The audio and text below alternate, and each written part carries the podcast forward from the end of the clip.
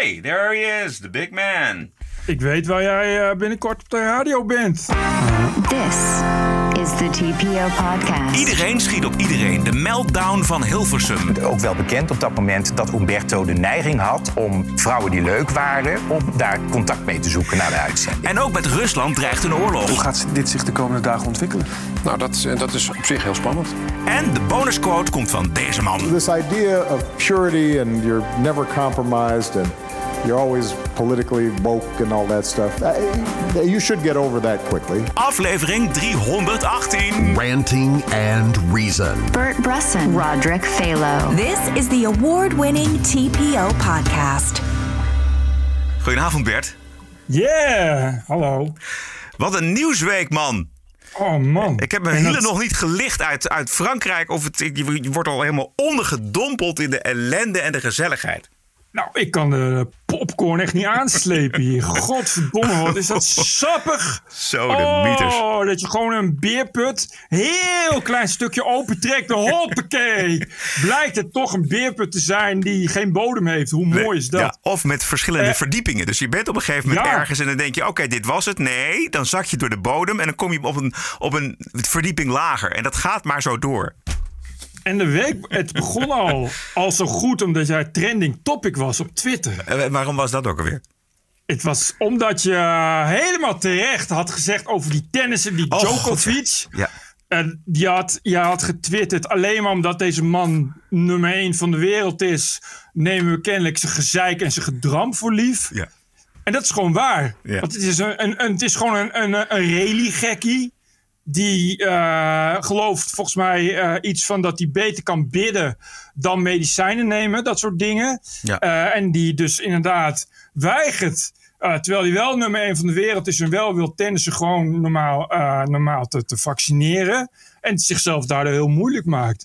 Maar dat is blijkbaar niet iets wat Twitter graag wilde horen. Nee, nee, nee, precies. Man, oh man, oh man, oh man. Kijk, als deze man nummer 200 zou zijn geweest van de wereldranglijst... dan had werkelijk niemand naar hem geluisterd. Dan was het gewoon helemaal klaar geweest. Maar deze man is, dat is de arrogantie ten top. Alles, iedereen knipt en buigt voor hem.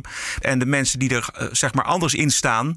Die, die nemen het onmiddellijk voor hem op. Die vinden hem allemaal oh, een geweldige held. En die gaan dus reageren. Ik lees al die comments niet, maar die reageren dus. En dat genereert dus blijkbaar op een gegeven moment uiteindelijk een trending topic te zijn. Nou, dat treft, want ik heb de comments wel. Oh.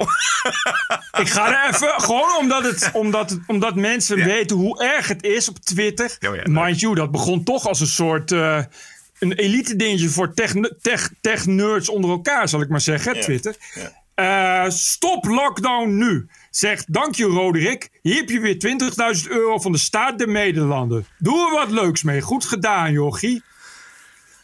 Uh, Zeebonk, rode hekje zinkt steeds dieper. Bart 992844302.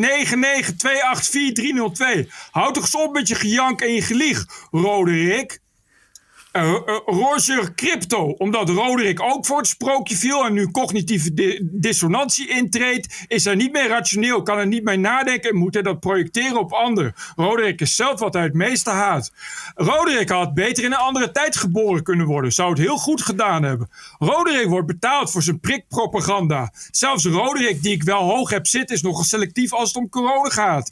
Waar ben jij nummer 1 uh, in, Roderick? In Opjutten zeker? Oké, okay, de laatste, want die kan er al eeuwig doorgaan. Ja. Het is triest dat de wereld zo ver heen is dat niet-gevaccineerden niet meer welkom zijn. Bizar dat jij dit normaal vindt, Roderick. Ja, ja. Wel door Roderick en zijn vriendje Bert in elk geval. De, dit is niet Roderick, je staat onwijs voor lul. God, wat heb ik me vergist in jou. Oh, ga je me nou blokken te laat, ik ben je voor. En zo honderden, honderden. En ze heten allemaal Mark 9321. Ja, uh, geen QR-code. Ja. Uh, stop fascistische Rutte staat Rutte Pinocchio 300, et cetera, et cetera, et cetera, et cetera. Ja, ja. Nou goed, het is uh, maandagavond 17 januari. De dag dat bekend werd dat na lang onderzoek van een cold case team aangenomen mag worden dat de verrader van Anne Frank en haar familie op het onderduikadres aan de Prinsgracht in 1944 een notaris uit de Joodse Raad was, is geweest. Uh, een van de grote mysteries uit de Tweede Wereldoorlog voor Nederland lijkt daarmee opgelost. Maar er was meteen een hoop kritiek. Um, wat ik, ik vond toch mooi. Ik weet dat jij een beetje ambivalent staat uh, richting de Tweede Wereldoorlog. Maar ik vond het mooi aan dit onderzoek dat je helemaal leest, stond vandaag een heel uitgebreid verhaal in de Volkskrant, dat een briefje uiteindelijk uitsluitsel geeft. Dinsdag, morgen dus komt het, eh, het boek uit. Ik ben daar wel benieuwd naar. Eh, Want ik vind nog steeds de Tweede Wereldoorlog fascinerend. Het interesseert me echt helemaal niks. Nee, ja. Ik dacht dat eh Miep Gies eh, Anne Frank had verhalen. Of eh, Jeroen Krabbe. Maar ik las, ik, ik heb natuurlijk wel de, de- het nieuws meegekregen. Ik heb het verder niet gelezen. Maar ik las wel inderdaad heel veel mensen, heel veel reacties dat het allemaal niet zo kloppen. En heel veel eh, boze mensen die gehakt maken van het onderzoek en dat soort dingen. Nou, het, het- wat het natuurlijk aanraakt en waar, waar mensen, waar denk ik ook die Otto Frank bang voor was, was dat als het zou werkelijk inderdaad zou gaan om iemand van de Joodse Raad, dat is vervelend voor de mensen die natuurlijk familie zijn van deze Arnold van den Berg. En dan, Ja. en die, is- dus de vader van Anne Frank heeft gedacht, ik neem dat mee in mijn graf. Eh, maar deze mensen zijn gewoon gaan zoeken. Ik vind de zoektocht vooral interessant. Maar ik vond ook het boek van Roxanne van Iperen over het huis waar zij woont en de onderduikadres wat dat Oh, adres ja, is, het- vond ik ook hoog- interessant. Het hoge nest. Het Hoge Nest, ja. ja. Het werd heel groot gebracht vandaag, vanmorgen in de Volkskrant. En ik heb Ja. echt allemaal elke letter gelezen.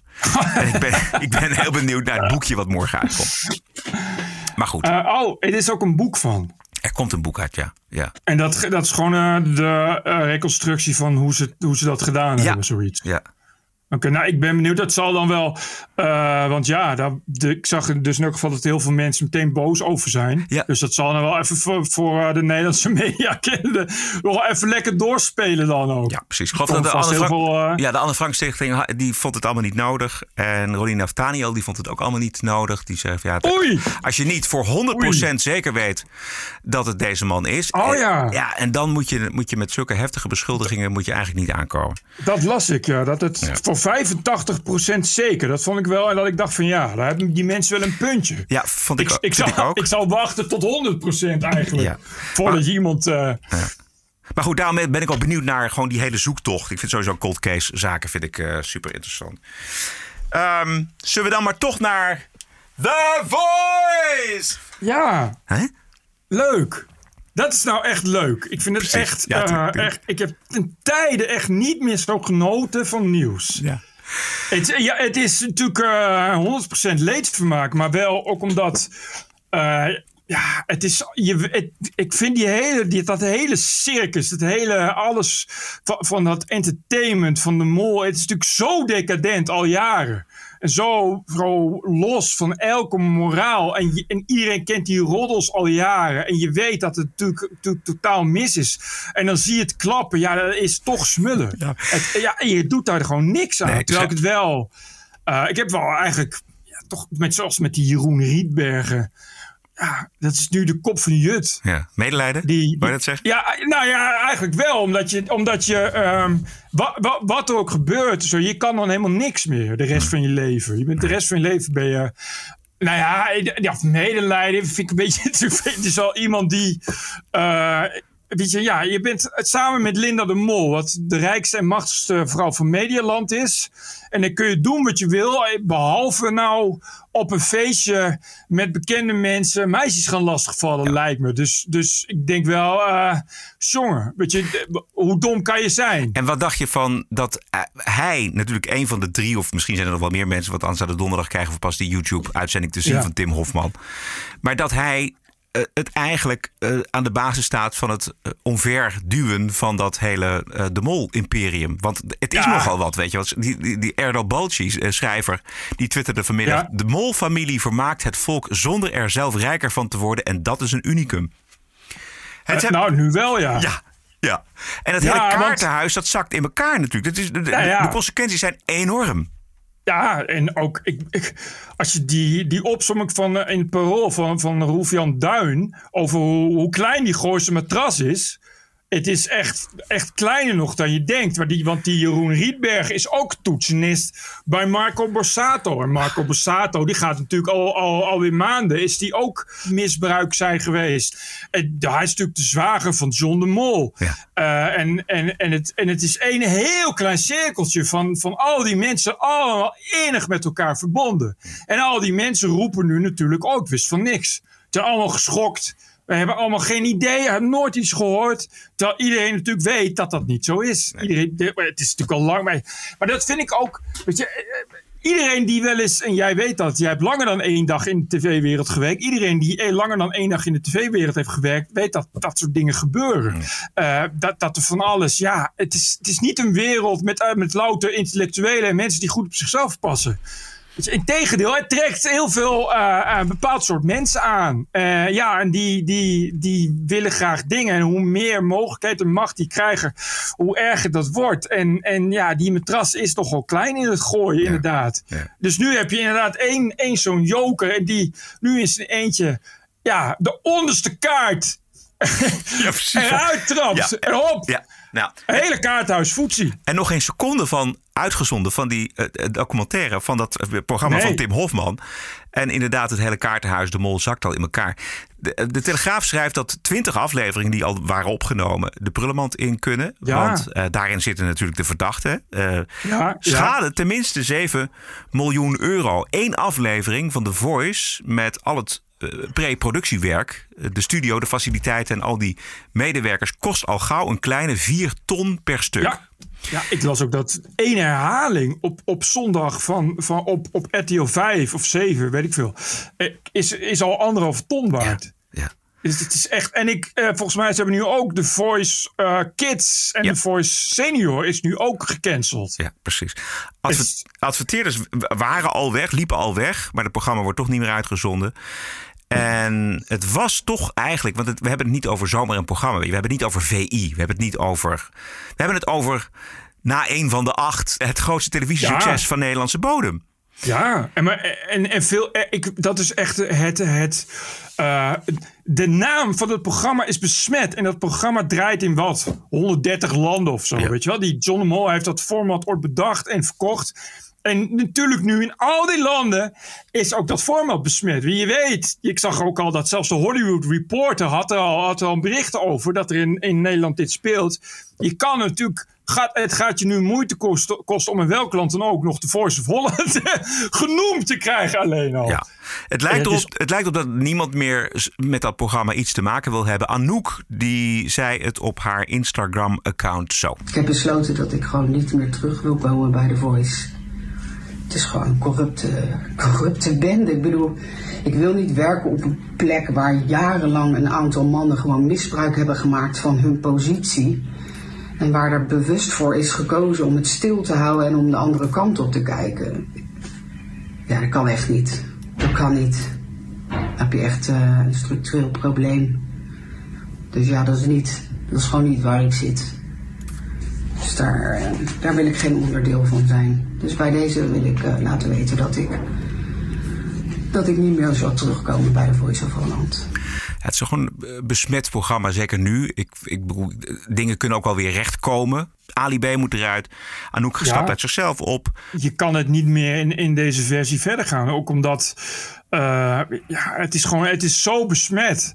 En het hangt dus met elkaar samen. Alles hangt met elkaar samen. Ja. Dus wie je ook ziet, je denkt daar toch aan. En Dat is ook voor, voor Linda de Mol is het natuurlijk ook een nachtmerrie. Jongen, dat is, die heeft dan vandaag in, in de Linda een verklaring. Ik heb gezien, ja. Oh man. Ze kondigt feitelijk haar scheiding aan van de orkestleider, de Hork. eh, Ja, maar als je ook-. Als je ook leek, dat, dat was in de Volkskrant, hadden ze meisjes gebeld die ook al last hadden gehad van Ja. die Rietberg. Als je dat leest, denk je, oh man, oh man, oh man.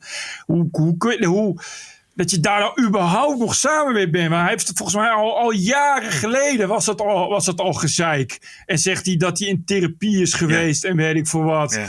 Maar dit soort mensen, dit is toch... eh, ah, dit zijn toch echt vreselijke proleten, man. Ja, dat is het, dat is het, precies het, dit is het, Oh, dat is het man, woord. Smakeloze, smakeloze, moraalloze ego's. Ja. Die zich toch te buiten gaan aan, aan, aan, aan alles. Omdat ze zich ook. Ja, Onkwetsbaar. Ze, eh, achter- onkwetsbaar. Ze, ze voelen zich onkwetsbaar. Ze zijn de populairste. Ze hebben de macht. Ze hebben de macht op de vloer daar op dat programma. Ze, ze kunnen iedereen maken en breken. Alle artiesten, of alle beginnende artiesten, die, die kijken hu- huishoog op tegen deze mensen. En Ja. zijn in alles afhankelijk van ze. En daar wordt op een ongelooflijke ploertige manier wordt daar, eh, misbruik van gemaakt. Het zijn proleten. Ja, je- Ja, maar, dit, maar, eh, maar echt. En ik, het, is, het, is, het is een vreselijk. Zit een vreselijk soort volk zit ertussen. Ja. Eh, maar goed, kijk, die, die Anouk heeft ook boter op de hoofd. Want die zei toen nog in college tour tegen Tanne Huis: van ja, je moet er alles aan doen. Wil je hogerop komen? eh, als je ervoor moet neuken, moet je neuken. Dat zijn haar letterlijke ja? woorden. Oh. Ja. De, en dan nu ineens is het, eh, oh, schande, schande misbruik. Maar ze heeft zelf wel eens aangetoond dat dat kennelijk iets is wat er voor haar bij hoort. En iedereen weet natuurlijk dat dat er ook voor heel veel mensen gewoon bij hoort. Dat al die mannetjes, het zijn natuurlijk ook allemaal mannetjes, ja, ja die, die, eh, die zijn- er lopen natuurlijk al een hoop van dat soort, dat soort types rond. Wiens succes te danken is dat ze toch maar een keer ja hebben gezegd. Ja. Aan, Tegen die Jeroen Rietbergjes. Ja, en die gaan niet iets zeggen. Want die weten, ja, als ik iets zeg, dan is mijn carrière kapot. En ik denk dat voor heel veel mensen. eh, nou, het, de macht van John de Mol wel heel beangstigend is. Ja. Die macht van die mensen is gewoon Ja. veel te groot. En, en, en drijft dus op mensen die alles doen voor de roem. Want laten we niet vergeten dat natuurlijk eh, eh, de kern van dat soort programma is dat. Of je nou wel of geen talent hebt. Al die mensen die komen gratis opdraven Ja. om zichzelf voor lul te zetten. Eh, en, en zich nog even na afloop te laten begraaien door de man van Linda de Mol. Eh, het kan ze allemaal niet schelen, want, want 10 minuten roem is, is, ze zijn bereid om dat allemaal op te geven. En dat weten ze, daar drijft het programma uiteindelijk op. Ja. Het is wat dat betreft is het de ideale cocktail voor dit soort misbruik Ja, wat en dit soort misstanden. Ja. Dat is wat ik bedoel. En het is natuurlijk ook ah, een beetje een leegte die, die natuurlijk ook al- al twintig jaar duurt. De, eh, een, een, een commercieel gat eh, wat, wat al twintig jaar...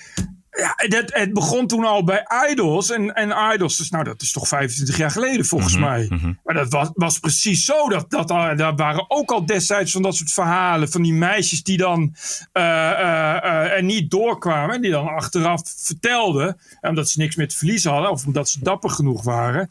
Die dan zeiden hoe het aan toe ging. Ik weet wel dat zo'n meisje toen zei. Ja, je liep daar rond. En dan kwam er s'avonds eh, zo'n dronken platenbaas naar je toe. Die zei: Ik heb lekker een nieuwe Jeep, nieuwe Jeep Grand Cherokee gekocht van jouw geld. Maar je ligt wel uit. Die, die, die wereld van die platenbaas. Dat, Ja. dat is toch. Iedereen weet dat toch? Ik dat dat geen niet per se zuivere koffie is. Dat zijn toch geen moreel hoogstaande lieden. die nog even drie keer nadenken. of dat ze wel getrouwd zijn. en of dat 18 wel of niet de grens is. Houd toch op, man. Nee, maar vroeger was dat ook allemaal normaler dan nu. Ja, Eh, precies. ten onrechte. Maar goed, ik ben eventjes op zoek gegaan naar eh, de, de, de, de oorsprong van het woord Gooise matras. Ik heb dat ook getwitterd. En ik kwam een stukje tegen uit 1964 van journalist eh, Jan Vrijman.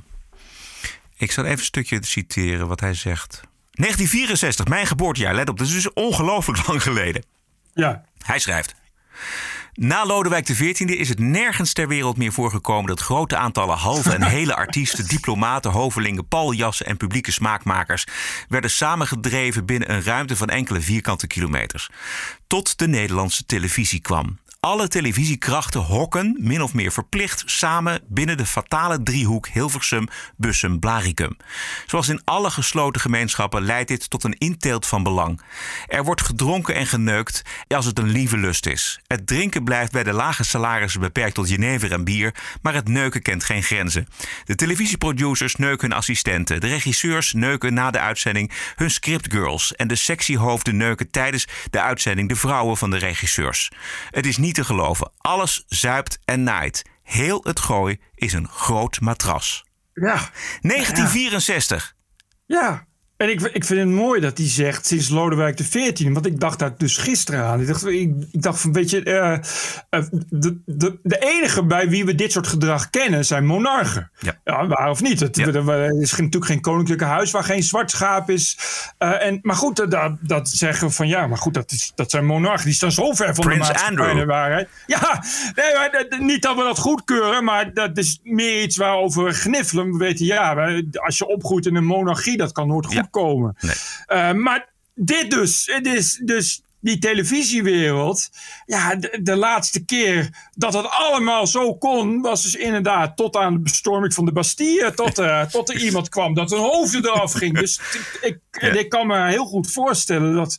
eh, nou, ze zullen niet onder de guillotine komen, maar ik. ik ik kan, ik kan me niet anders voorstellen dat dat kaartenhuis ook wel met veel donderend geraas ook wel heel ver in elkaar gaat storten. Ik denk dat in elk geval de entertainmentsector van RTL dit gaat heel veel pijn doen. Ja. En ook voor John de Mol. Dat gaat echt financieel ook heel veel pijn doen. En die, en die producent, het ITV. Ja, die is natuurlijk van alle beschuldigingen. Die waren uh, hiervoor ook, ook al van Talpa. Weet je, dus die, die, die kunnen niet zeggen, we hebben nog nooit iets geweten. Alles wat we wisten hebben we het goed gedaan. Ik zag op uh, RTL Z zag ik een, een, een financiële domino-effect eigenlijk. Dan, ja, de, grote, de grote vraag is van wie, wie is, wiens schuld is dit? En wie gaat dit verhalen op wie? Want RTL kan zeggen van ja, wacht even, wij hebben uh, schade aan onze naam gekregen door dat programma Ja. wat door ITV is gemaakt. Dus wij gaan naar on- onze schadeverhalen op bij ITV. ITV kan zeggen, ja maar wacht even, wij hebben een programma gekocht van Talpa in de tijd. En dat programma dat had blijkbaar verborgen gebreken zoals je bij een huis de fundering verrot is. Want Precies, dit soort zaken precies. spelen al heel la- veel langer. Dus wij hebben iets gekocht voor een prijs dat het niet waard is. Dus wij gaan niet alleen de schade verhalen bij John de Mol, maar we gaan ook een andere prijs berekenen voor eh, dat wat we gekocht hebben. Zij hebben geloof ik Talpa gekocht. Dat was het volgens mij. Ehm, Ja, precies. Dus Ja, dit was de grote zaterdagavondtopper. Ja. Dit was de grote cash cow. Ik Ja. ben benieuwd. Ja, het kan wel eens heel erg problematisch gaan worden allemaal. ja, ja, dit was inderdaad de grote cash cow. Ja, dit was zo'n belangrijk onderdeel van, van RTL. Ook omdat het natuurlijk. Ook, sorry, hoor, Eh, Nee, even, ga door, maar ga door. Ook, ook omdat het natuurlijk. Ja, we zijn nog maar net begonnen. Weet je, we hebben die hele docu van, van. Dat komt donderdag pas. Dus tot, tot aan donderdag komt er nog steeds allemaal poep naar buiten lekken. En dan komt donderdag. Komen de namen en dan begint het pas echt. Ja. Ja, tegen die. Oh, oh, oh, voordat, je, voordat, je, eh, voordat het een beetje overgewaaid is, ben je alweer maanden verder. Ja. En dat is. het- al die tijd moet RTL. eh, het maar zien te rooien, zou ik maar zeggen. Omdat het programma van Tim Hofman nog moet worden uitgezonden, circuleren dus allerlei namen. Heel vervelend voor die namen natuurlijk. Maar drie namen springen eruit. Dit zijn Albert Verlinde en Evert Santegoeds gisteravond bij SBS Show Nieuws. ik echt eh, uit bronnen, ook rond het programma Boos, begrepen heb dat ja, er worden drie namen echt genoemd in dat verslag. Dat is dus Jeroen, eh, nou, dat weten we inmiddels hoe dat dan eh, in ieder geval... Marco wordt ook nog steeds genoemd daarbij. En Ali B schijnt het heftigste te zijn van alle verhalen die er zijn. Ja. En Dus- Marco, daar moet ik over zeggen, er verscheen vanavond een verhaal in de Volkskrant... wat vanmorgen wel in de krant zal staan. En daar komt Marco verrassend goed uit. Namelijk, niemand heeft klachten over Marco. En ik begrijp ook dat van die veertien vragen die er gesteld zijn... aan al die betrokkenen door het programma Boos... dat dat vooral gaat over een, een, een hand op de bips, een, hal op, een, een hand op een dij... waarvan je tien jaar geleden eh, namen heel weinig mensen aanstoot aan. Dus Dus, dus Albert Verlinde zegt, eh, Marco Borsato speelt hier een rol in. En Evert Santegoed zegt, eh, nee, blijkbaar volgens de Volkskrant speelt Marco Borsato hier helemaal geen rol in. Nee, Eh, wel. Even, volgens Evert is het nog steeds normaal om een hand op een beeld Ja, te leggen. Dat zegt, ja. dat zegt Ja. vooral iets over de wereld van Evert Sandergoeds. Maar laten we niet vergeten, eh, want eh, hierna ging Albert Vlinde dus toch maar even fijne Umberto Tan beschuldigen. Zullen we daar even naar luisteren? Ja. Want het, daarvoor zegt hij nog eerst iets anders. Namelijk, we gaan niet naar elkaar wijzen. Ik denk ook dat we als, als entertainmentjournalistiek onze rol moeten nemen... en ook niet naar elkaar moeten gaan wijzen. Wat de een doet, fout doet en wat de ander goed doet. Om een paar minuten later vooral niet te gaan wijzen Ja. naar een collega van voormalig werkgever RTL. En RTL wil ik toch even zeggen, en ik weet dat ik hier wel een, een, een, een, een bommetje mee gooi. Dit speelt zich voornamelijk af, behalve dan Ali B, die dat eh, langer blijkt te doen. Eh, in 2015, 2016 had Umberto Tor, zijn talkshow. En het is binnen RTL, en we hebben dit daar verre Dionne straks meegemaakt. Een, een, een, een, een, nou ja, ook wel bekend op dat moment dat Umberto de neiging had om vrouwen die leuk waren, om daar contact mee te zoeken na de uitzending. En waarom vertel ik dat nou? Niet om, niet om Umberto te naaien, Nee. maar omdat ik weet dat er mensen met het programma weg zijn gegaan die zeiden: het lijkt wel of ik meer een datingshow zit te produceren dan een talkshow. Waar het mij om gaat, is dat Talpa, ITV, RTL moeten onderzoeken wat er gebeurt bij de Voice. Maar ik wil RTL eh, oproepen om een breed onderzoek te doen. Want blijkbaar was er in die tijd een cultuur waarin dit soort dingen, en bij The Voice en bij Umberto... we hebben ook nog het, het Expeditie Robinson-Mars-verhaal... we hebben ook nog de Villa de afgelopen jaren. Ik denk dat RTL kritisch moet kijken, jongens... wat was er in vredesnaam in die tijd aan de hand? En dan moet iedereen op aangesproken worden, de leidinggevende van die tijd... daar moet een onderzoek naar gedaan wat een vals nicht. Ongelooflijk. Want Goh. hij haalt dus Dionne Staks erbij. Dionne Staks was gewoon een verkering. nergens over gaat. Nee, dat gaat helemaal. Dat waren gewoon twee gelijkwaardige mensen die elkaar leuk vonden op een gegeven moment. En daar, en daar ontstond, ontstond een relatie. Dus dat is onzin om die erbij te halen. En het, het is allemaal gebaseerd op niks. Nee, maar dit kan echt niet. Ik, ik, Je kan niet zomaar uh, dit soort namen gaan noemen. Zeg, dan, zeg dan, ja, ik weet, uh, uh, er was iemand die een talkshow had en weet ik veel wat. Maar dit is echt. ik zag dat Umberto er woest over was op Twitter. Die, die heeft er meerdere tweets over uitgegooid. En hij heeft inmiddels aangifte gedaan van, van, van Smaat. En ik vrees dat hij een goede kans maakt. Want als je nou een schoolvoorbeeld van Smaat wil dan is het dit. In, in, een, in een veelbekeken televisieprogramma. Ja, verschrikkelijke. Eigenlijk is, het zijn verschrikkelijke dingen. Het is het laatste wat je wil dat iemand je van beschuldigt. Dat zomaar voor, voor, voor een, ik weet niet hoeveel mensen er kijken naar, naar, naar shownieuws, maar uh, honderdduizenden mensen, zonder dat je je kunt verdedigen. Ja, een, een betere definitie van smaad is er niet. Precies, hij zegt dus, eh, RTL moet gaan zoeken, onderzoek doen, want er speelt al van alles bij RTL, onder andere Umberto Tan. En dan komt hij verder met nul bewijzen. Umberto die heeft getweet, beste Albert, je hebt mij in één adem genoemd met de misstanden bij The Voice. We kennen elkaar goed, je hebt mijn nummer en toch heb je mij niet gebeld om je verhaal te checken. Er ligt geen klacht bij RTL, nog bij Blue Circle, dat is het productiebedrijf. En wat zijn je motieven, schrijft Tan op Twitter. Ik, ja, maar het is, ik snap niet dat Albert Verlinde hier zelf mee kan leven. Dat je dan goed kan slapen. Nee. Je weet dat je iemand echt, je kan iemand er helemaal mee kapot maken.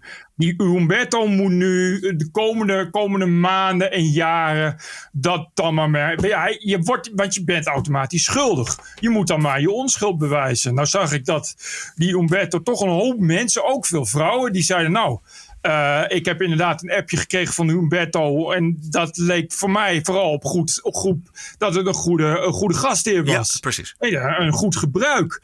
Uh, uh, en, en, ook inderdaad mensen die zeiden... Uh, Frits Baren deed het vroeger ja, altijd. Precies, precies. Naar de talkshow. Ja. Het, dat is gewoon een goed gebruik. En als je nou voldoende mensen hebt, vooral vrouwen... die inderdaad zeggen... nou, ik was er heel blij mee... en ik heb daar helemaal niet, niet, niet iets rare gevoelens bij gehad. Nou, dan heb je toch al een hoop voor je gewonnen. Maar je moet dat dus maar weer jezelf verdedigen. En Weet je, dat er dan die affaire met Dionne Staks bij wordt gehaald. Ja, dat is sorry hoor. Toch, dit is, dit wat is, ben je dit dan is, smerig. Wat, ja, de roddeljournalistiek is ook een vorm van journalistiek. Maar dit is echt zonder enig bewijs, zonder niks. En het is pure smaad. Natuurlijk ook kenniszinnen. Hè, en het, omdat uh, uh, dat boos naar mij komt.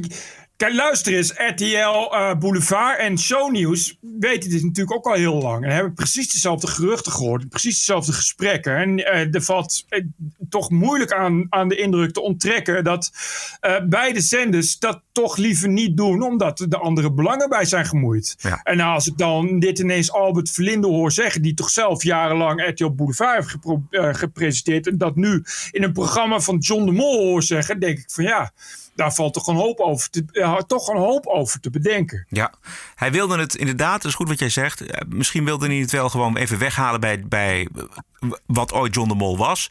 Precies. Van, en en uh, op het bordje schuiven van uh, RTL dat het daar allemaal niet deugt. Het belangrijkste is eigenlijk wat televisie met mensen doet. Hè? Dus zeker als Juist. je daar op een gegeven Juist. moment op een bepaald niveau bent als presentator of als, als, regisseur of wat dan ook. Je hebt, mensen voelen zich ongenaakbaar, denken dat ze alles kunnen maken. Dat is het eigenlijk. Dat- en dat zie je Er gebeurt iets met die mensen. Precies, daar gebeurt iets. Eh, regisseurs, eh, Weinstein, die gewoon echt denkt dat hij God is. En ook wordt behandeld door zijn omgeving als God. En die denkt dus werkelijk dat hij met zijn broek op zijn knieën. eh, met een actrice eh, in een hotelkamer kan gaan staan. Dat, dat denkt dat hij gelooft dat echt. En, Ja, zo, dat- en zo gelooft zo'n zo'n zo'n bandleider van The Voice of Holland. gelooft ook echt dat hij dat allemaal kan maken.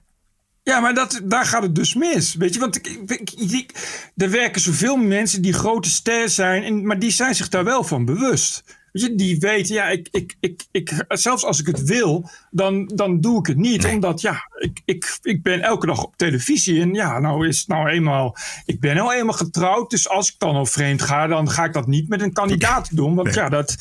eh, maar dat moet je dan wel kunnen. En niet iedereen is daar geschikt voor. Eh, en, dat blij, en het doet dus heel veel met je. Dat, dat, dat, ja, dat, dat, dat is hoe het gaat. Het, haalt het, slecht, het, kan, het kan het slechtste in de mensen naar boven Ja. halen. Ja, en dat is wel, eh, ja, dat is heel tragisch. En dat maakt dat, dat, die wereld ook heel tragisch. En dat maakt dat vak ook heel tragisch. Maar bij zo iemand als die Jeroen Rietbergen denk je ook echt... Oh jongen, je had toch... eh, je had dat toch anders dan kunnen doen, weet je? Of hoe ik, ja, ik het is, want er is niemand die, die erover zeikt dat jij een keer met een lijntje kook wordt betrapt. Of, of, of op dronken rijden, want dat doen ze allemaal wel eens. Weet je, maar hoe moeilijk is het om op, op het trouwfeest van, van Ronald Koeman, zijn zoon, om daar niet, niet een weekend lang willekeurige meisjes serieus lastig te vallen. Als je, als je de man bent van, van, van Linda de Mol. Weet je wel, dat, dat, dan spoor je toch niet. Dan, dan heb je toch, dan weet je toch dat, dat, dat je dat niet snapt. En dan kom, je dus bij dat, kom ik dus bij dat vergelijking bij, bij, bij die monarchen. Bij die monarchen denk je ook, dat spoor je toch niet? En dan daarna denk je, nou dat klopt, want ze zijn ook opgegroeid als monarch. Dus ja, dat is niet, niet raar. Dat denk niet dat er veel monarchen zijn die heel veel feeling hebben met de realiteit. Het is maar net hoe je, dat je dan iemand hebt in je paleis die ervoor zorgt dat het niet misgaat, laat ik het zo zeggen. En maar, maar en dat is zo ernstig. Ja, en, en, en je kijkt daarna en je denkt van, oh man, dat, Ja. die, wat die, die, het zijn toch jongens met talent, hè, die Rietbergen. Is dat, ik weet niet eens, is het familie van Jan Rietberg eigenlijk? Weet jij dat? Dat weet ik niet. Ik weet Eh, niet de grote muzikant van vroeger, zou ik maar zeggen. Oh nee, is Jan Eh, Rietman is dat. ja, oh ja, ja, het is Jan Rietman. Eh, weet je, het is toch iemand die kennelijk nou ja, een voldoende talent heeft om, om, om daar bandleider te worden, om, om, eh, om componist te zijn en weet ik veel wat. Maar ja, dat je dan 50 bent eh, en, en op zo'n op je werk achter een meisje van 18 moet gaan staan en zeggen: wat heb je, wat heb je een geel broekje Ja, aan? En zal ja. ik je thuis brengen? Oh, ja, dat is it. toch. Het is zo laag bij de grond, jongen. Het is precies waar, ja. we, waar we over begonnen. Oh, de, de, de, de, beerput, weet je wel. Je denkt dat je op een gegeven moment de bodem bere- bereikt hebt. En dan zit daaronder nog een verdieping waar het nog veel smeriger is. Nou ja, maar ik vind wel, en dat is, dat is eh, kijk, die moraal is wel geschapen. Die moraal is wel gecreëerd. En ik, ik wil echt niet, ik ben echt geen Marxist, zoals je weet.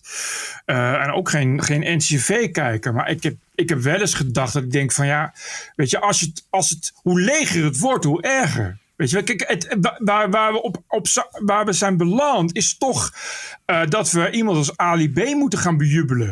Weet je, en dat als hij een nieuwe Rolex heeft, dat dat allemaal en, en het hoogst haalbaar is. Dat is ook de sfeer die uiteindelijk van dat soort.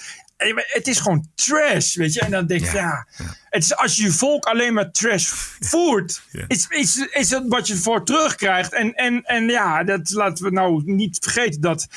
Ja, goed, weet je, die mensen die, die het presenteren, die mensen die we allemaal kennen.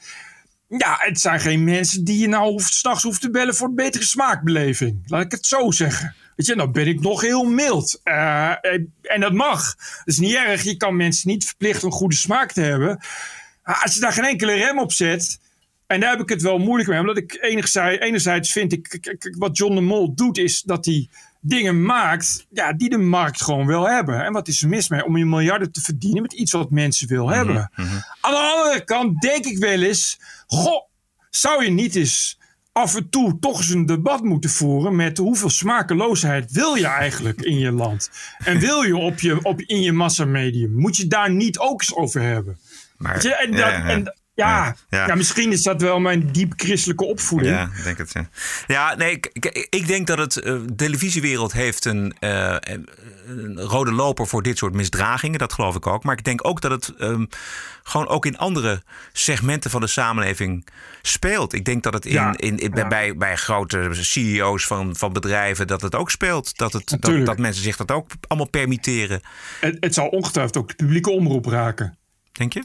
Want ja, natuurlijk. Ik bedoel, alsof ze bij de publieke omroep Nee, geen, eh, ge- geen idioten, geen proleten hebben. Die, eh, die, eh, en, dus, dus, dus, dus daar kun je op wachten. Dat er natuurlijk, natuurlijk nog andere, dat er natuurlijk nog heel veel andere zaken, ook bij andere takken van wat. Ja, nogmaals, het, is verder dezelfde matras, weet je wel. Die, die, de regisseur die dat programma regisseert, regisseert ook andere dingen. Weet je, dus het, het- het is een kleine wereld met niet per se heel veel mensen. Dus ik kan je, daar kun je nu op voorbereiden dat er vroeg of laat iets naar boven gaat komen. Ook, en dan wederom dingen waarvan je zegt van... Goh, nou, dat, dat was natuurlijk wel wat we allemaal al een beetje wisten. En eh, die, ja, het zijn ook allemaal bekende roddels, hè, uiteindelijk. Gelukkig zijn er ook nog andere interpretaties van zeg maar echte zieners die dit allemaal in een wat ander daglicht zien. Zo is daar de Nederlandse acteur George van Hout. Wat mij mateloos intrigeert, is dat de verhalen die wij als geschiedenisles voorgeschoteld krijgen, voor 90% niet waar zijn. Ja, dit, eh, Ja. Heeft hij, dit vindt hij en dit heeft hij gezegd. En hij twitterde... Hou. Voice Echt, of oh. Holland... Nee, ik zeg het. Oh ja, nee, ga verder. Nee, ik, Hij twitterde... Voice of Holland schandaal wordt door de staatsomroep BNN-VARA op het juiste moment tot ontploffing gebracht. Het volk wordt een bloedend stuk vlees toegeworpen dat de aandacht moet afleiden van de opgepompte griepmislukkingen van de macht. Ja. Lees COVID. Ik hoop nog steeds, en dat, dat denk ik dan nog steeds, dat het toch allemaal satire is. Dat hij PA is theater maken. En hij had toen vroeger met eh de Cats, geloof ik, weet hij, George de Cat, of eh, eh, een, een, een duo. Is, hij was bekend van de Kanus en Gunning reclame destijds. En en hij maakte een goed theater, ma- eh, maatschappijkritisch, maar ook, dus ook satire, veel humor. Was iemand van de lol. Eh, eh, eh, ik, ik denk dan toch altijd dat hij gewoon eigenlijk dat het één lang kunststuk is waar hij nu mee bezig is. en dat hij op een dag komt van nee, het was allemaal om aan te tonen hoe debiel het allemaal is. Maar ik vrees, ik vrees van niet. Hij, hij heeft de logica van 9-11 volledig in twijfel getrokken. En daar ja, hij heeft het helemaal door. Ja, hij heeft het helemaal door. Hij weet ook dat die mensen in die vliegtuigen zaten niet in, want die zijn eruit gehaald. En iedereen is omgekocht, et cetera, et cetera, et cetera. So much for George, Hout, George van Hout. Eh, nog meer over The Voice of Holland. Of laten we het gewoon even afwachten tot vrijdag. Want dan kunnen we de vrijdag uitgebreid over, de, Ja, over we moeten naar wachten. de, naar de, naar de YouTube-uitzending. Wa- wachten tot, eh, tot die boze aflevering. Dat wordt een goed bekeken aflevering, denk ik. eh. Het is de, de, de best bekeken aflevering ooit, vermoed ik. Oké. This is the TPO podcast. Eventjes de focus op Europa. Want een woordvoerder van de Russische president Poetin... die noemde de uitkomst van het oh, overleg met Amerika en Europa gisteren verontrustend. En ik krijg, Bert, de indruk dat we steeds meer rekening moeten gaan houden met een oorlog, een invasie van Oekraïne door de Russen. Eh, de vraag is, wat gaat dat allemaal betekenen voor ons? Afgelopen zondag zat luitenant-generaal Rob Bauer in Buitenhof. Zeer boeiend gesprek, moet ik zeggen. Bauer is voorzitter van de NAVO, het NAVO-militair comité. Belangrijkste adviseur van NAVO-baas Stoltenberg. En de vraag aan hem van Pieter-Jan Hagens was... waar houdt de NAVO nou rekening mee? Het grootste probleem zou zijn een all-out invasie van de Oekraïne. Niet alleen het oostelijk deel, maar zelfs eh, voorbij de, eh, de Dnieper-rivier, dus ook inclusief Kiev. Ehm, dat zou feitelijk betekenen dat het een vazalstaat wordt van Rusland. Eh, twee zou kunnen zijn een beperkte invasie in het oostelijk deel om eh, de Donbass-regio te verbinden met de Krim. Eh, maar het is ook niet ondenkbaar dat ze met allerlei subversieve acties in de Oekraïne de regering tot val brengen. Zonder eigenlijk zelf met grote aantallen troepen het land in te gaan. Is het denkbaar dat er NAVO-militairen in Oekraïne gaan vechten tegen de Russen? Oekraïne is geen eh, lid van de NAVO. Dus Dat weet dus ik, NAVO de, de, kans, de, de kans dat we als NAVO dat gaan doen, acht ik niet heel groot. Oké. Ja, toch is het ook interessant dat Poetin de regie lijkt te hebben in dit conflict. Hij heeft ons in dat dilemma gebracht. Het is als het ware zo dat wij spelen op zijn schaakbord. Ik las het in een uitspraak van Arend-Jan Boekenstein. Die zei, wij denken hier in het Westen in principes. Poetin denkt in macht. Ja. Is dat niet de essentie van waar dit conflict vastzit? Ja. Nou, ik denk dat, eh, eh, ik denk dat, eh, dat Rusland eigenlijk wel wil werken met een international set of rules. Maar dat uiteindelijk hij niet langer eigenlijk wil doorgaan met de set of rules die we nu hebben. En uh, dat, dat is het spanningsveld wat je hier ziet. Hoe gaat dit zich de komende dagen ontwikkelen? Nou, dat, dat is op zich heel spannend. Uh, de, met elkaar moeten we zorgen dat wij, uh, en dat hebben we gedaan, bereid zijn om daarover te blijven spreken. En het is de hoop aan onze kant uh, dat de Russische regering ook die, uh, die kans pakt. Ja. Die zal weinig nachtrust hebben. Dat denk ik ook. Ja. komende tijd. Ja. Maar wat ik wel een goede opmerking vond, was, was inderdaad die opmerking van uh, Aart-Jan Boekenstein. Uh, Amerika, Europa en de NAVO die denken in termen van principes en afspraken. Waar ja. Poetin denkt in termen van macht. Kijk, het punt is dat hij weet dat hij geen derde wereldoorlog ontkent. Want die NAVO, die NAVO komt niet. De NAVO en, en de Amerikanen en de CIA zullen net als, net als destijds in Afghanistan natuurlijk mensen trainen en hulp sturen en dat soort dingen. Ja. Maar ja, daar, daar, het kan hem, dat kan hem allemaal niet zoveel schelen. Ja, het, is, het klopt. Hij weet dat de NAVO niet zal ingrijpen. Althans niet officieel. Dus die kernoorlog die komt er niet. Als hij zich beperkt nee. tot, tot de Oekraïne. Exact. Um, en de sancties, ja, die neemt hij misschien voor lief. Of die moet hij dan voor lief nemen. Ik, wat ik ervan weet, ik ben er geen expert, maar dat Oekraïne geheid gaat verliezen. Die kunnen niet op tegen de Russen.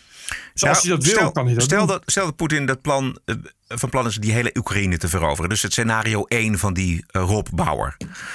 Dan lijkt me dat toch nog wel een hele klus om die bevolking van Oekraïne met zijn nationalisme en zijn afkeer van de Russen en zijn, en zijn wens ook toch tot de democratisering, om die eronder te krijgen. Ja, en, nee. en die eronder te houden ook.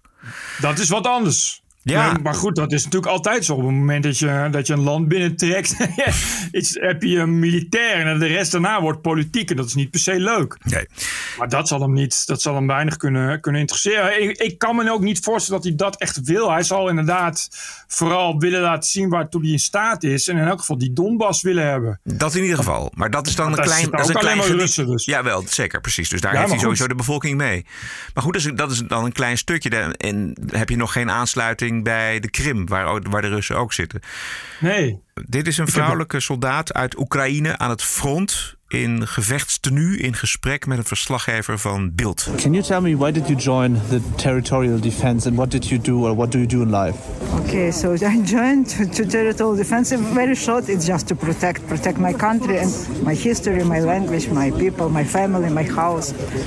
My normal life, peaceful life. What what did you do in life or what do you do normally? I, I am working uh, in an international company for clinical research. Do you think Putin will really invade and what can you do when the Russian troops come?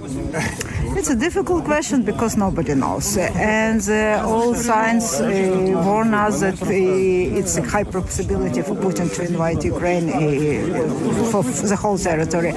But hopefully, this, um this his decision will cost him a lot. So. But they have a lot of equipment, tanks, people, soldiers, uh, uh, Russian. I mean, how can you defend your country? Yes, but we are defending our country, so we are first on our land, uh, and uh, there are quite many active people who is uh, who will support army and who will join the army. Ja, ik weet niet voor hoeveel mensen zij model staat, maar ik vond het wel opvallend dat deze dame, die gewoon bij een bedrijf werkt, de groene leger outfit aantrekt en daar met een, met een geweer staat en met een helm op en eh, bereid is om te sterven voor de verdediging van de Oekraïne. Het is heel dapper en, en, en enorm vaderlandslievend. En het is verbazend dat het nog bestaat, zou je bijna zeggen. Maar, maar verder kansloos. Het is wel gewoon David tegen Goliath. Ja. Kijk, kijk het punt is... eh, Poetin die, eh, die heeft niet... Ja, die heeft gewoon niet voldoende een sterke economie om, om serieus langdurig een wereldoorlog te beginnen. Maar Poetin, maar, maar voldoende om, om Oekraïne eh, om te duwen. Dat, daar begin je niks tegen. Het is verder voor een gedeelte een heel modern leger. En heeft hij voldoende resources. Nou, het blijft spannend om het eh Ja, ik te spreken. Ik ben benieuwd. Ik ben benieuwd wat, eh, wat, we, de, wat we de, er dan van gaan merken en wat er gaat gebeuren. TPO Podcast. Deze TPO-podcast wordt je twee keer per week aangeboden. Op dinsdag voor iedereen en op vrijdag voor iedereen die lid is. Ranting and Reason. Er zijn toch weer eh, drie binnen. Kijk eens.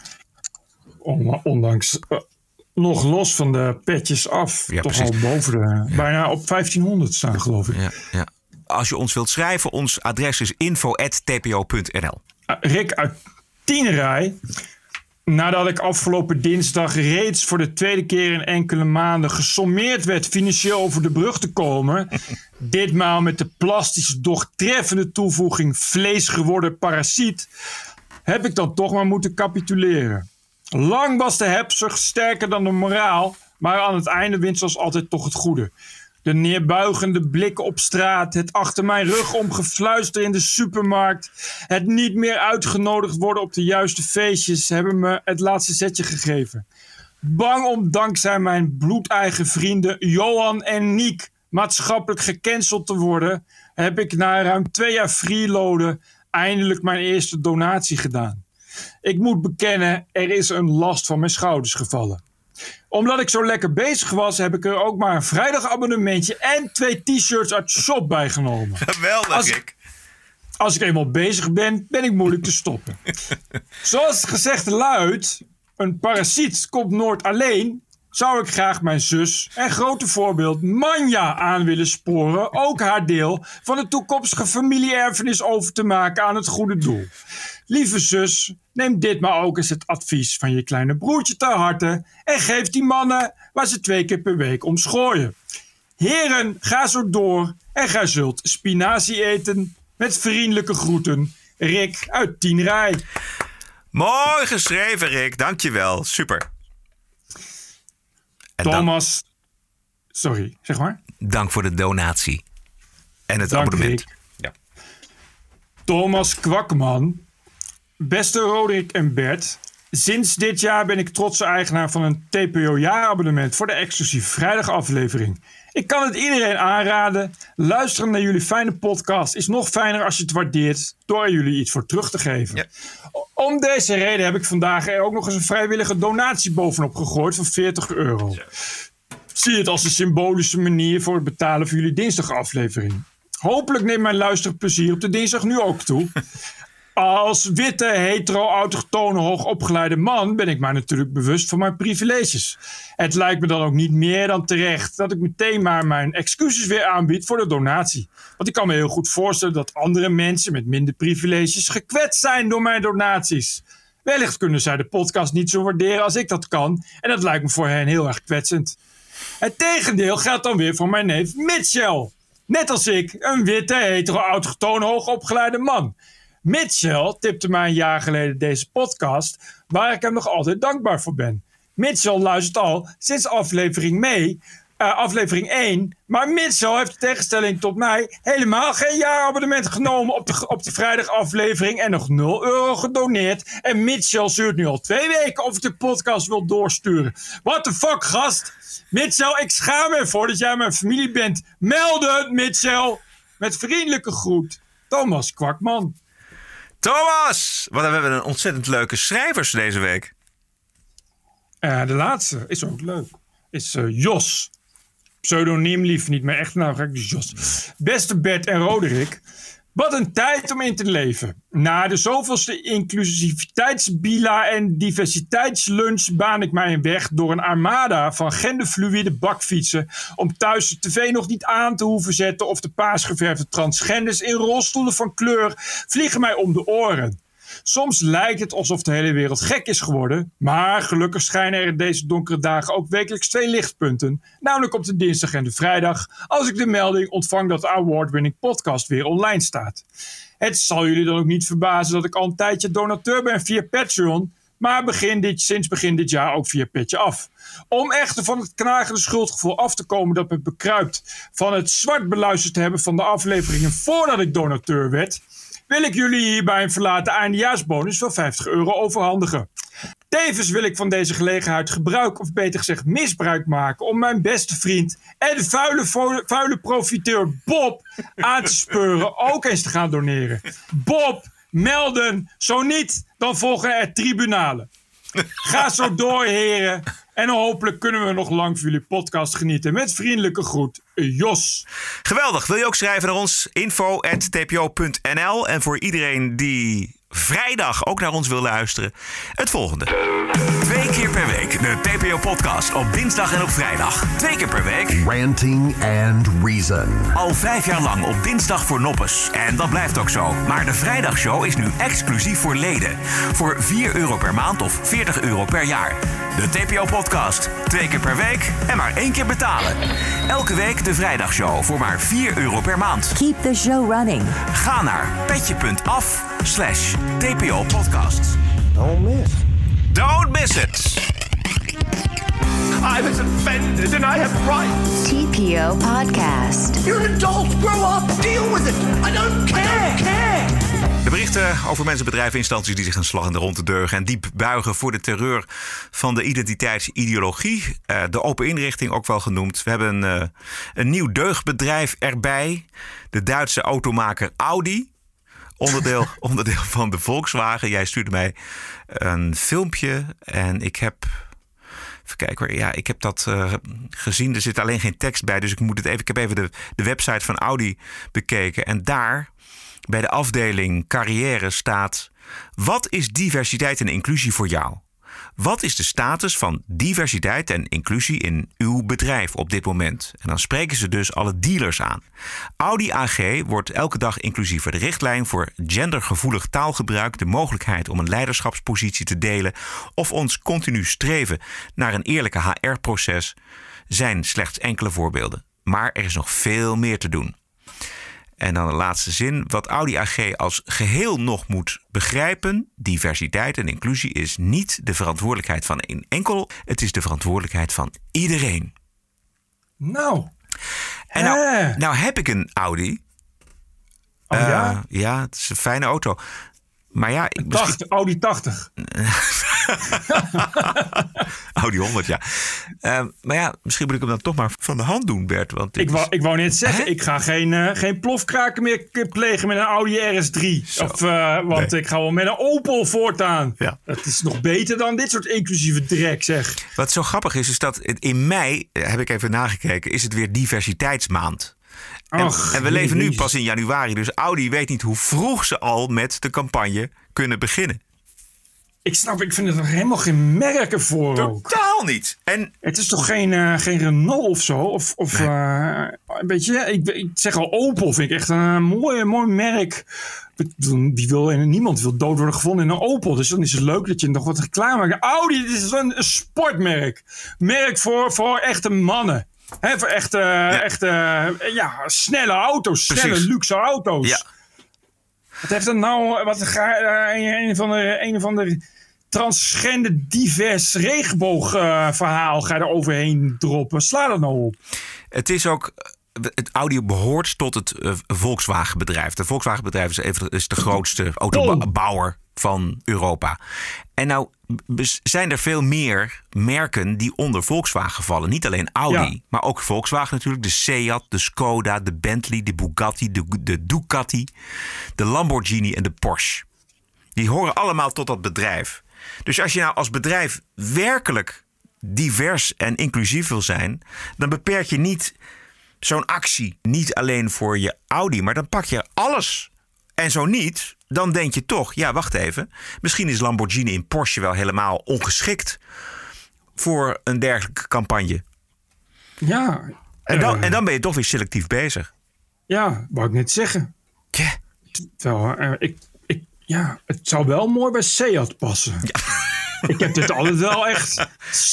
Bij Seat rijden zie je dit toch altijd wel een beetje terug. Ja, hè? Zal ik maar zeggen. Zal ik maar, dat is toch. Uh, ik denk dat. dat ik, ik, denk dat relatief veel transgender Seat rijden. Ja. Ja, maar Audi is. Ja, nee. Ik, wat ik zeg, het is. Uh, het paradepaardje ook voor, uh, voor de snelkrakende mocro's meestal. Ja. Ik geen, geen, geen auto die harder. geen auto die, die harder dan de politie gaat dan de Audi. Het is weer te duur het van is, een ton. Ja, ja, precies. Ja, dat zijn die RS-uitvoeringen. ja. ja. Die heb ik niet. Maar um, het, het, het, is um, selectief en, en, het heeft natuurlijk allemaal weer met marketing te maken. Het heeft niet zoveel te maken met diversiteit en inclusie. Het is gewoon uh, een marketingmanier om je nou, als deugzaam bedrijf op de kaart te zetten. Je mag hopen dat ze dan bij Audi net zo'n investeerder hebben als bij Unilever. Die, daar, eh, eh, die dat een beetje zat begint te worden. Dat Ja, zou precies. zomaar eens kunnen. Ja, daar hebben we het vorige week inderdaad over gehad. Unilever. Er speelt nog iets bij Unilever. Pleiter van mensenrechten van de hele regenboog. Ehm, en zo begaan is met het fatsoen en de duurzaamheid en de verbinding, et cetera. Dat is nou echt dat, dat is het, het, het gezicht van Unilever. Daar hebben we het Ja. vaak genoeg over gehad. Maar nou duldt het op de stoep van haar filiaal in Teheran toch weer een doodvonnis van een Iraanse Ja. bokskampioen, Mohammed Javad, 26 jaar. Zijn misdaad meelopen in het straatprotest van november 2019. En hij krijgt van de Mullah-rechters de doodstraf voor het verspreiden van corruptie op aarde.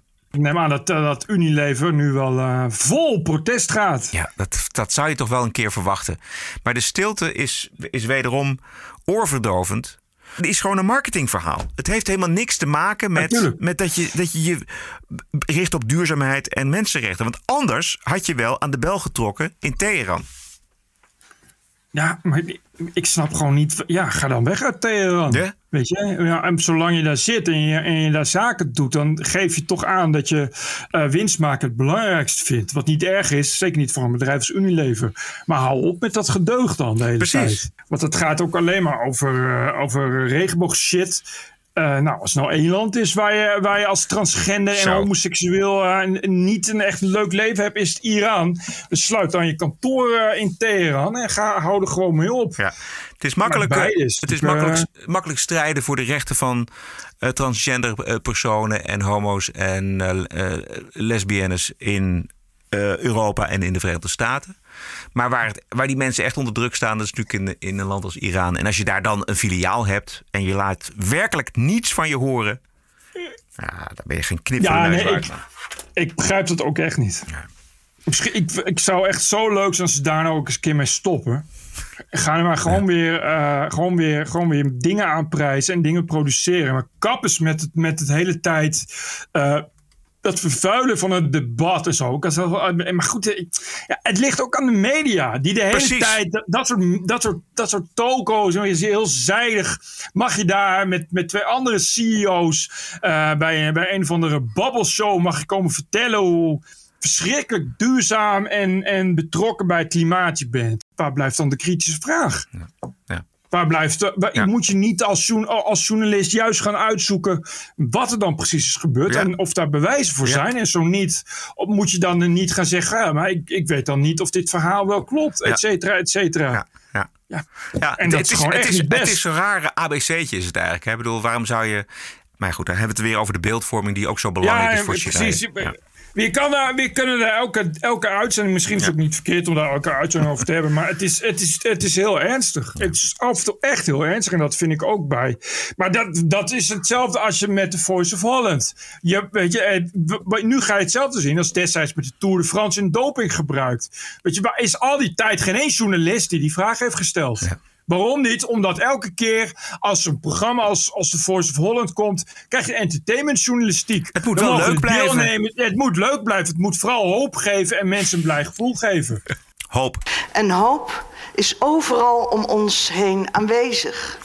Ja. Mooie reactie van de directeur van het Rijksmuseum in NRC Handelsblad... naar aanleiding van alle commotie rond de tentoonstelling... over de onafhankelijkheidsstrijd van Indonesië... en het gebruik van de term Bergsiap. Die staat eh, voor... Die term staat voor moordpartijen in 1946, 47 door Indonesische bendes tegen vooral Nederlanders en Chinese inwoners. En volgens de samensteller van de tentoonstelling was het racistisch om de moordbendes als zodanig te benoemen en de term Bergsiap te gebruiken.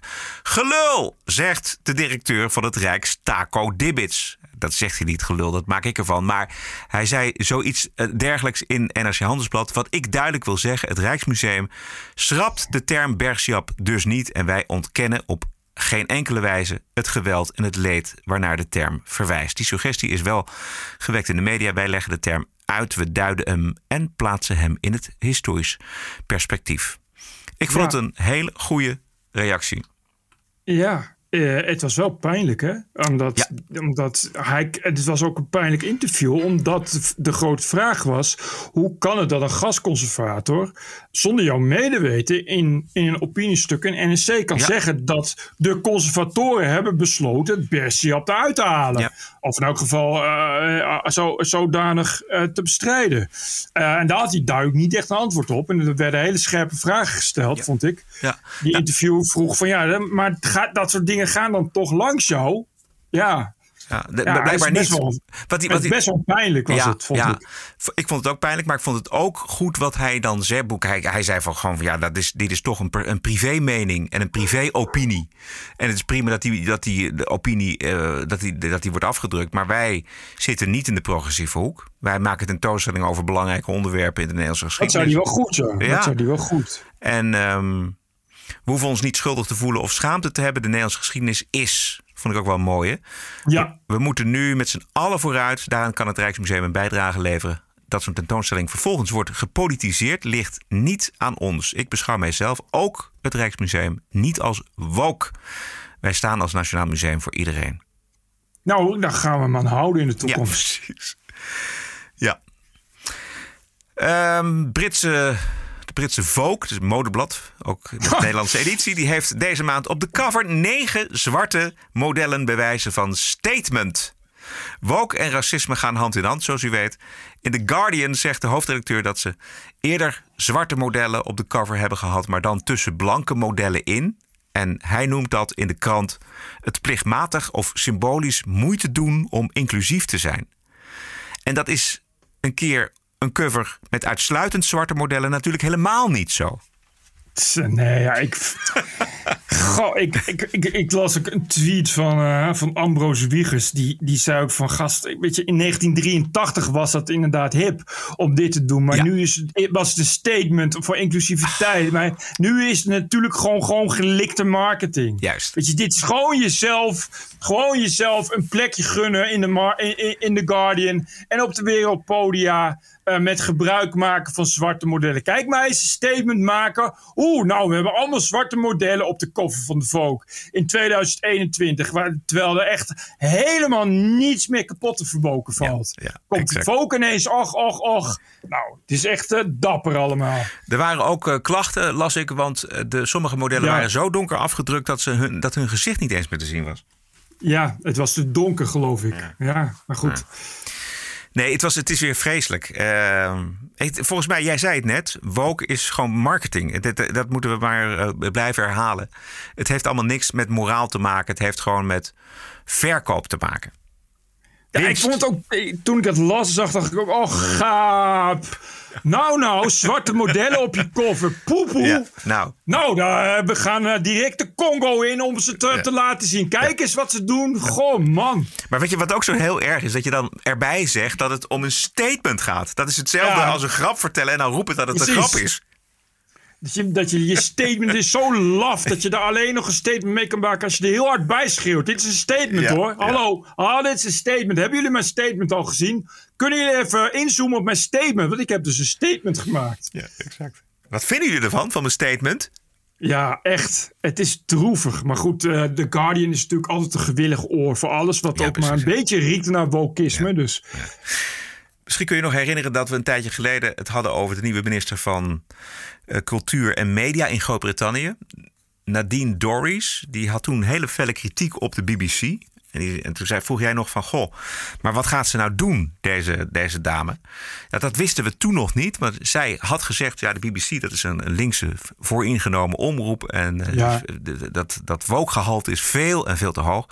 Ja. En nu is bekend dus wat ze gaat doen. Ze gaat het kijk- en luistergeld van de publieke omroep voor twee jaar bevriezen en in 2027 afschaffen. ja, dat zat er al heel lang aan te komen. Ze heeft ook eh, een nieuwe baas bij de BBC gezet. Eh, die is ook anti-woke.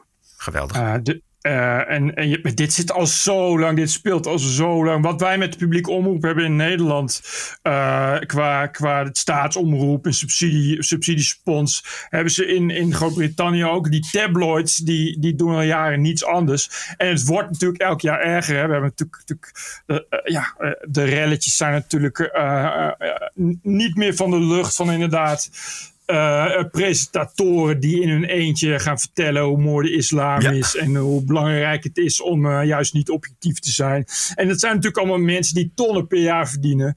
Dus de woede wordt alleen maar groter en groter en ja, het zou tijd worden. Ik, ik mag hopen dat er echt schoon schip wordt gemaakt. Want het is een goede omroep. Het, ik bedoel, het is uh, al, al sinds, sinds ja, de uitvinding van de radio, denk ik. Zeker, ja. een baken van kwaliteit. Ze hebben heel veel kwaliteits, kwalitatieve programma's. Ja, je moet er wel met je tijd mee gaan. En rekening houden dat mensen niet erop zitten te wachten. Uh, dat jij op hun kosten nog eens even een tikje extra gaat deugen. Precies. De Britten betalen ieder jaar 190 euro BBC-belasting. Maar uh, kijken steeds uh, vaker naar andere zenders. Omdat het ja. te links gekleurd is, vinden een hoop mensen. Dit is een ja. volksvertegenwoordiger van de conservatieve partij. Unfortunately, the BBC have lost a lot of credibility in recent years. They have been out of touch with, I think, the the mainstream of what the British people think, and I think that's added to it. So many people I speak to in, in my constituency say, "Well, we never watch the BBC, and we object to paying the license fee." Precies, dus wel 190 euro per jaar betalen, maar verder nooit kijken, omdat het gewoon te gekleurd is. En het klopt wat jij zegt, dat het, heeft natuurlijk, het is voor 80% natuurlijk wel oké en wel goed. En er zitten hele goede mensen. Ja. En journalistiek ja. is het ook heel goed. Um, maar er zit toch een, ook een, een, een wookwaas over die publieke omroep heen. Net als ja, nee, maar kijk, kijk sinds, sinds Brexit is dat natuurlijk, natuurlijk veel harder gegaan. Ja. Uh, qua, qua volkswoede is dat natuurlijk ook veel duidelijker geworden. Je, en dat is, dat is, dat is ja, maar goed, het begin, is natuurlijk begonnen met de komst van het internet.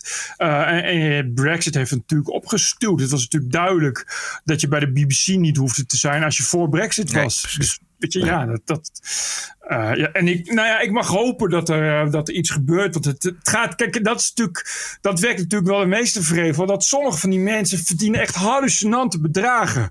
Uh, en soms tot tientallen jaren lang. En ja, je, je gaat je dan toch afvragen. En 190 euro per jaar is niet weinig, hè? Dat is wel een serieuze kostenpost voor mensen. Zeker als je er niet naar kijkt. Dan, nee, ja, ja, exact. Nou, ik moet steeds denken aan dat interview uh, voor Newsnight was dat. Dat was het interview met Jordan Peterson. Waarin de presentatrice uh, echt van tevoren al helemaal geharnast in het gesprek zat. En Jordan Peterson afvakkelde op een of andere manier. Hij bleef daar vrij rustig uh, onder. Maar dat was typisch zo'n vooringenomen links standpunt. Precies. Omdat Jordan Peterson daar, die zou dan fout zijn geweest of, of extreem rechts. Weet je. Dus dan moet je hem op die manier aanpakken. Ja, exact. Nou ja, maar ook, ook, het, ook het hele. Ja, de islamisering van, van Groot-Brittannië ja. is natuurlijk net zo'n heet hangijs. Ja. Het zijn de typische hete hangijs die we hier ook hebben met, met het populisme. En met die groei van het populisme is dat toch wel steeds, steeds nijpender geworden. Dus ik vind het echt heel goed dat, er, dat daar nu echt dingen uh, ook echt in gaan veranderen. En uh, nou, dat bevriezen van, van, van dat geld en dat afschaffen daarvan, dat is een hele serieuze maatregel. Ja, er wordt gekeken nu, nu naar een andere manier van financieren. Oké, okay. nog meer woke? Nee. What a woke week it was. This is the TPO podcast. Heb alleen nog een bonusquote, Bert. Woke quote ook, maar niet zomaar één. Hij komt uit 19, wat zeg ik uit 19? Hij komt uit 2019 en is van ex-president Barack Obama. Ik uh, had hem nog liggen en ik vond hem toch wel heel erg mooi. Een linkse president die de vloer aanveegt met woke en uh, de intolerantie van de linkse studenten en de cancel culture. Mm, waar is die nou? Waar heb ik hem? You know, this, this idea of purity and you're never compromised and you're always politically woke and all that stuff. Uh, uh, you should get over that quickly. The world, the world is messy. People who do really good stuff have flaws. People who you are fighting may love their kids and share certain things with you. But I do get a sense sometimes now among certain young people, and this is accelerated by social media, there is this sense sometimes of the way of me making change is to be as judgmental as possible about other people. Like if I tweet or hashtag about how you didn't do something right or used the word wrong verb, I can sit back and feel pretty good about myself. Because, man, you see how woke I was? I called you out. That's not activism. Ja, dit zegt hij dus in front of nogal wat Yes. studenten. Ja. Ik dacht toen nog, nou, als zelfs Obama het zegt, gaat er wel iets kantelen. maar dat is toch een beetje eh, al te optimistisch gehoopt. Precies, het ergste moet nog komen. Eh, eh, moest toen nog komen en misschien komt het ergste nog wel. Maar het was wel een fijn eh, opmerking van deze Obama. Nou, dit was Yes. het. Dit was het. Yes. Huh? Yes. Dit was aflevering 318 van de TPO-podcast. Elke dinsdag en vrijdag online via je favoriete kanalen. Aanstaande vrijdag zijn wij terug voor de leden van de TPO-podcast. Ik zou zeggen, ga naar tpopodcast.nl en daar kom je vanzelf op petje.af slash tpopodcast. Daar kun je lid abonnee worden voor 4 euro per maand of voor 40 euro per jaar. Is bijna voor niks. Join de club op vrijdag en dan spreken we elkaar op vrijdag weer. Doneren mag ook, tpo.nl slash podcast. En tot vrijdag als je betaalt. Anders kun je niet luisteren vrijdag. Tot vrijdag Bert, gezellig. Ja, tot vrijdag Roderick. Ik ga nu even eh, naar Radio 1 even wat recepten beluisteren. TPO Podcast. Bert Bruson, Roderick Balo, Ranting and Reason. En anders zijn we ook klaar. Podcasting is the TPO podcast in the Netherlands. Bert and Roderick. What a show. I'm telling you. Twee keer per week de TPO-podcast op dinsdag en op vrijdag. Twee keer per week. Ranting and Reason. Al vijf jaar lang op dinsdag voor noppes. En dat blijft ook zo. Maar de vrijdagshow is nu exclusief voor leden. Voor 4 euro per maand of 40 euro per jaar. De TPO-podcast. Twee keer per week en maar één keer betalen. Elke week de vrijdagshow voor maar 4 euro per maand. Keep the show running. Ga naar petje.af slash TPO-podcast. Don't miss.